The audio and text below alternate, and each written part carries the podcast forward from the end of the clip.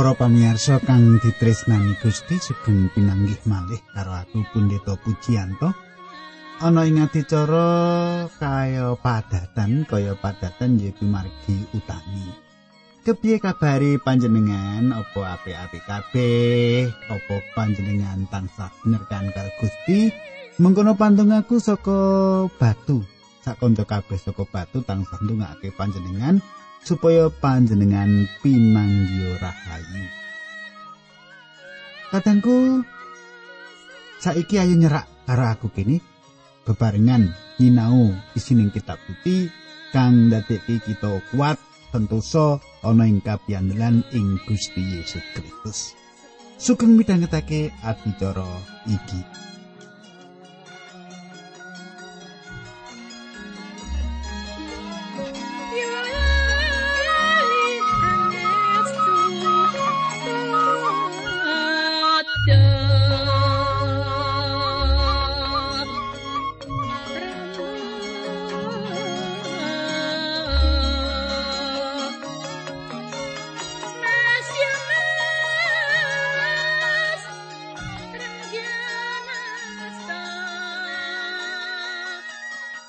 Kadangku kang tak tresnani. Panjenengan mestine isih kelingan apa sing diaturake ing kepungkur nalika semono Yohanes Pembaptis katigas janggani awit saka putrine Herodias. Lan nalika semono pancen Yohanes Pembaptis dadi martir ya, dadi wong pracaya kang wis ngurbanake nyawani kanggo kaluhurane Gusti Allah. Awit saka anggone Herodes rada sembrono arep menehake kuwabeh apa sing bakal dijaluk putrine Herodias. Pikirane nalika semono Raja Brono jebulane malah sing dijaluk sirahe Yohanes Pembaptis. Kadangku nalika semono Gusti Yesus lan para murid nyabrang segara Galilea utawa telaga Galilea lan mengko bakal tak terusake nanging sadurunge kuwi kita ndedonga dhisik. Sadurunge donga aku ngaturake salam kanggo Bapak Andreas Suraji. Bapak Andreas Suraji derene loro ginjali. Saka kuwi nyuwun ditungakake aku lan panjenengan supaya tinggal saras. Ayo tumungkul kita ndedonga. Duh Kanjeng Rama ing swarga kawula ngaturaken gunging panuwun menawi wekdal menika kawula saged tetunggilan kalian sederek-sederek kawula ingkang setya tuhu midhangetaken adicara menika.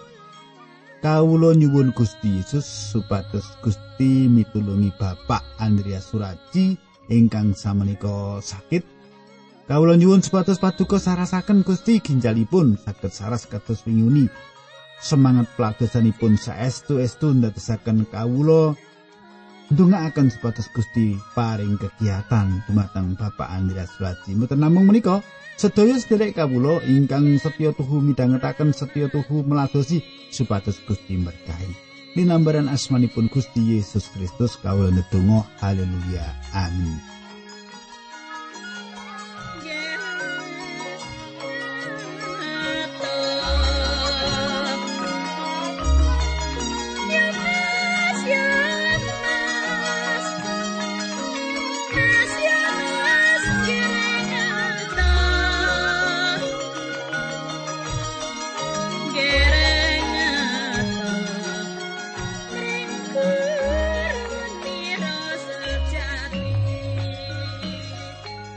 Kadangku tak terusake. Para murid nalika semono nyebrang telaga Galilea, ombake mawalian. Praune para murid ketrajang ombake telaga Galilea sing sawektu-wektu bisa mbebayani prau-praune. Mesti atine miris para murid lan giris ndeleng gedene ombak sing kaya-kaya arep nguntal praune para murid. Gusti Yesus lagi ndedonga ing sawijining papan ing puntuk ndedonga marang loro-loro ning gambarake kahanan sing nyata manungsa ing tengahing ombak donya sing gegirisi nanging Gusti Yesus katrem ing katentreman tanpa ridu tanpa kaganggu ing apa wae. Monggo panjenengan semak Matius 14 ayat selawi. tekan 6 likur.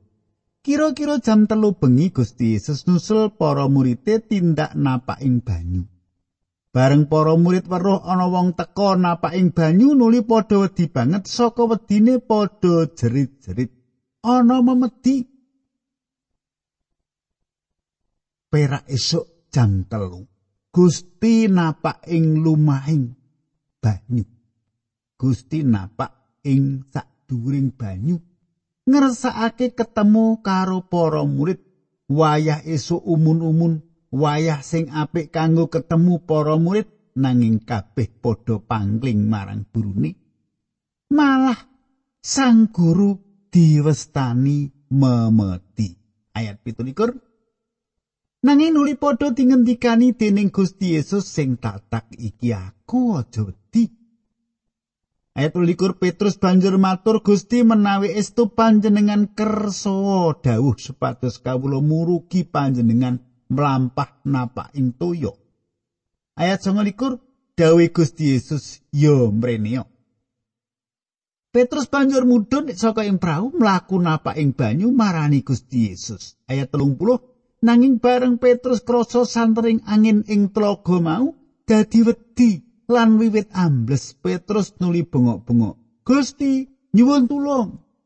Ayat 31 Gusti Yesus enggal-enggal mulung astane nyepeng Petrus pangandikane cepet temen pangandelmu yo gene kowe kok mangu-mangu.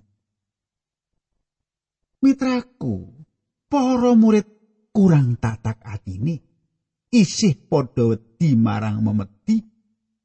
Barang wis terwaca yen kuwi mau Gustine Petrus enggal-enggal nyuwun bisa napak ing lumaing banyu lan nalika semono kalaksanan. Iso mlaku trenyek trenyek ana ing banyu sak dhuwure banyu. Sepisan maneh jalaran ora tetek imani. Jalaran ora tetek imani Petrus dadi kelep rahayune katangku bisa kapitulungan dening Gusti. Yen panjenengan uga kurang kapiandelan kurang iman marang Gusti bisa uga bakal kelep ing ombak ing kahanan. Iki dawuh Gusti marang panjenengan lan aku cupet temen pengandelmu. Yo kene kowe kok mangu-mangu. Matius 14 ayat 32 sekarone banjur munggah ing prau angine nuli menduk. Ayat 33 para murid sing ana ing prau mau nuli padha sujud nyembah marang Gusti Yesus karo matur panjenengan menika saestu putranipun Allah. Katangku, bareng Gusti Yesus wis nitih baito, nitih prau karo murid-murite sanalika angine mendo.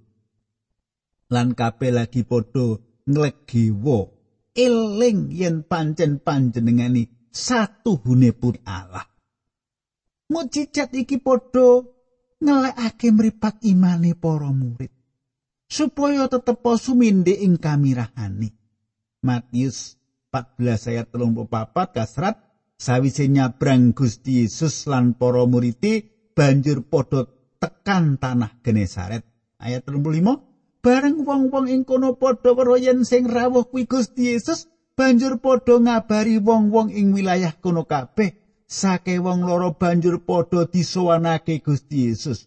Ayat 36 wong-wong mau padha matur kepareng ngomong demek gombe ing jubahe wae. Kabeh sing padha demek padha dadi waras.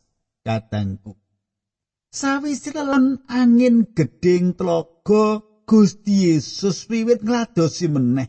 Wong-wong sing padha nandang penyakit kabeh keparingan waluya temaing jati. Lere kesarasan kang sampurna Gusti Yesus nampik para wong Farisi. Matius 15 ayat 1 nganti loro nyerat mengkini. Ing sawijining dina ana wong Farisi lan ahli Taurat saka kutha Yerusalem padha sowan ing ngarsane Gusti Yesus sarta matur mengkini. Kenging menapa para murid panjenengan sami nerak tata caranipun para luhur menawi badhe nedha kok mboten sami wisuh tangan rumiyin. Para sutresna nyatane para parisinggone melu. Ngetut mburi Gusti Yesus ora jalaran kepengin sinau bab kayekten lan dadi pracaya nanging malah kaya dene telik sandi sing golek-golek bab sing ora cocok karo aturane tata cara Yahudi pakulinan adat Yahudi mung perkara mangan ora wiso mung perkara mangan ora wiso wis dadi perkara Dadi wong Parisi iki sak temene arep ngreka daya marang Gusti kita Yesus Kristus. Terus ke ayat telu Matius 15. Gusti Yesus paring wangsulan. Yo gene, kowe dhewe kok yo padha nerak angger-anggeri Gusti Allahmu mergo kepengin netepi adat tata carane leluhurmu. Katanggu Gusti Yesus paring wangsulan. Lan Gusti Yesus melehake nggone wong Farisi padha nglanggar paugerane Taurat kanthi adat tata cara Yahudi. Coba panjenengan semak Matius 15 ayat 4. Sebab Gusti Allah ngendika, ngajenono bapa biyungmu lan meneh sing sapa ngipati-pati bapa lan biyunge kudu dihukum pati. Ayat 5. Nanging kue padha mulang mengkene yen wong wis kandha karo wong tuani barang gadahan kula ingkang kangge ngopeni panjenengan sampun kula saosaken dhateng Gusti Allah. Wong kuwi banjur ora diwajibake ngopeni bapa lan biyunge meneh. Ayat 6. Dadine kuwi wis padha ngremehake pangandikane Gusti Allah mergo netepi adat tata carane leluhurmu. Mitraku, para parisi, wong-wong parisi nggone mulang marang wong-wong liya. yen saben wong sing padha atur pisungsung marang Gusti Allah iku dijupukake saka kewajiban nggone ngrimat para wong tuane ateges wong mau wis ora perlu duwe tanggung jawab. Ngrumati wong tuane. Enak ya. Ah, Pak niki artone pun kula pisusungke teng gereja lah. Sakniki jenengan ora usah tak openi. Kok penak gitu? Iki pamulang sing ora bener. Pamulang sing sing nakal, licik, endong endani nglakoni Taurat. Kanthi nindakake tata cara adat Yahudi. Kaya-kaya kanthi cara sing sing saleh ninggalake kewajibane paugerane Taurat. Antarane kaduwean lan Gusti Allah saben wong pracaya kudune bisa tumindak bener. Endi sing kanggo pribadi lan endi sing kagem Gusti. Gusti ngersake supaya saturunge atur pisungsung marang panjenengane katangku. Utang-utang kita kudu wis dibayar luwih dhisik. Tanggung jawab marang keluarga dirampungake lagi ngaturake pisungsung marang Allah. Yen garwa putra panjenengan isih keluwen, Gusti Allah ora bakal nampi pisungsung panjenengan. Urusan dhisik keluarga kanthi nyukupi sak perune nuli lagi ngaturi Allah apa sing dadi kewajiban kita. Ayat pitu, kue trae wong lamis cocok banget karo pametane Nabi Yesaya. Ing atase kowe. Ayat 8. Wong-wong iki enggone ngurmati aku mung srana lambene. diniatini adoh saka aku. Katengku sing tak tresnani tembung diarani lamis. Iku ing jaman saiki sing kapatrapan ngisini-sini. Kaya dene mangan kudu wiso, rese. Nanging rese ing ati ora etuk kawigaten. Mongko rese ing ati dadi kawigatening Allah. Panjenengan mesti ndawi padha wisa sadurunge mangan marang para putra. Gitu? Ya, wijik-wijik wijik sik mangan supaya resik tangani. Nanging apa panjenengan uga kersa nenggani para putra nalika padha nonton TV sing isine akeh bab sing marakake ngregeti atine anak kita. Apa nate jenengan nunggani apa bocah panjenengan dijarno wae niki rak wonten berita-berita bocah umur 14 tahun ngrodha peksa karo bocah sing umur 6 tahun, nggih, wedok umur 6 tahun. Niki ngopo sebabe jarene marga nonton TV. Lho, niki ra bebayani kudu ngancani anake nonton apa sih anakku ra ngoten. nah, saiki Matius bab 15 ayat 9 10 11 ya tak wacake. tanpa guna nggone padha ngabekti marang aku sebab pernatan-pernatan ning agama sing diulangake kuwi satemene mung gaweane menungso. Gusti Yesus tulindhawi wong-wong padha nyedak banjur dipangantikani mengkene, padha rungokno lan padha lebokno ing atimu. Sing marakake wong dadi jember kuwi dudu apa sing mlebu ing cangkem nanging apa sing metu ing cangkem. Katangku Gusti Yesus luwih nyethakake yen juruking batin iku asipat rohani ora asipat jasmani resik njabani durung mesti resik jerone nanging yen resik batini bakal mahanani resik ing ragani. Amin iki katangku nah ayat rolas. Para murid Gusti Yesus nuli padha sowan sarta matur. Menapa panjenengan pirsa bilih pangandika panjenengan wau damel sakiting manahipun para tiang parisi ayat 13 Gusti Yesus ngendika saking tetukulan sing ora ditandur dening ramaku ing swarga bakal dibedhel. Kadangku pancen wis bisa dideleng yen antarane Gusti Yesus lan para pemimpin agama ora cocok cengkah panemune lan lakune tembung ditandur lirit tata cara utawa sistem. Tata cara saka Allah cengkah karo tata carane adat. 14. Wong Farisi kuwi ora susah kok rewes. Kuwi panuntun-panuntun sing wuta. Yen wong wuta nuntun wong wuta, loro-lorone bakal padha kacemplung ing kalen. Wah, ngendikane Gusti iki pedes. Wong Farisi pemimpin agama iku padha dene wong wuta. wong picak ya. Matius 15 ayat 15. Petrus banjur matur, "Kersa panjenengan maringi keterangan Bapa semon menika wau." Ayat 16 pangandikane Gusti Yesus, "Apa kowe ya durung padha ngerti?" Katangku, senajan Gusti Yesus nggone mulang muruk para murid nganggo pasemon, ewa semono padha ora bisa ngerti. Dedel cubluk kabeh menungso padha cubluk kanggo ngerti kersane Gusti Allah. Saiki Matius 15 ayat 16 nganti 18 tak waca. Pangandikane Gusti Yesus, apa kowe ya durung padha ngerti? Apa kowe padha ora ngerti yen samu barang sing mlebu ing cangkem kuwi parane menyang ing weteng banjur diwetokake meneh saka badan? Nanging apa sing metu saka ing cangkeme wong kuwi asale saka ing atine ya kuwi sing gawe jembering wong. Kadang kuwi iki bab sing wigati banget. Wigati. manungsa ora bisa dijemberake apa sing mlebu nanging dijember iku metu saka jero atine manungsa Matius 15 ayat 19 awit ya saka ing ati kuwi asale pikiran-pikiran sing ala sing marakake wong memateni laku jina cabul ngrampok ngapusi lan mitenah ayat 30 perkara-perkara mengkono kuwi sing gawe jembering wong nanging mangan ora nganggo wisuh dhisik kuwi ora gawe jembering wong. Kadangku wawasan sing diparingake Gusti Yesus marang panjenengan lan aku iku jero tegese.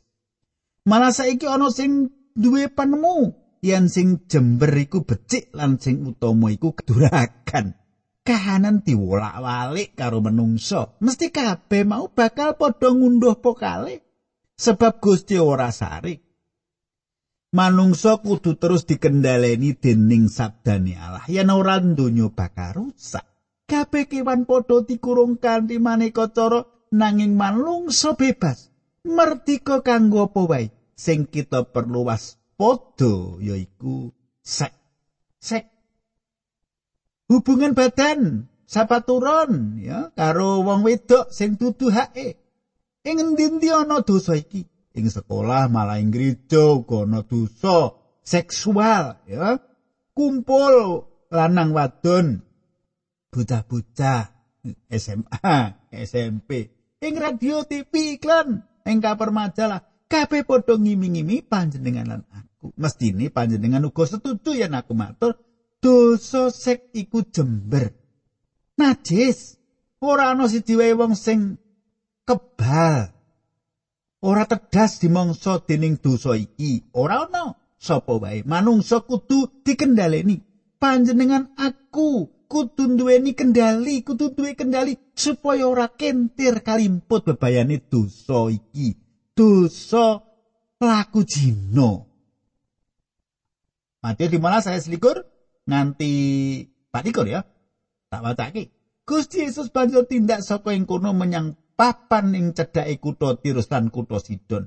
Nuli ana wong wadon bangsa kenaan kono teka suwane ngarsane Gusti Yesus kanthi nguwuh-uwuh Gusti tedhakipun Sang Prabu Daud kula mugi panjenengan welasi anak kula istri kesurupan demit mesakaken sanget nanging Gusti Yesus ora paring mangsulan babar pisan para murid banjur padha nyedhaki Gusti Yesus sarta matur Gusti tiang menika kedawuh ana kisah kemawon ketimbang terus bengak-bengok ngetutaken kita pangandikane Gusti Yesus aku diutus marani wong-wong Israel sing padha ketriwat Kadangku sawise Gusti ditolak ing Israel panjenengane kepareng ngladosi para wong ing sak njabane tapel wates Israel.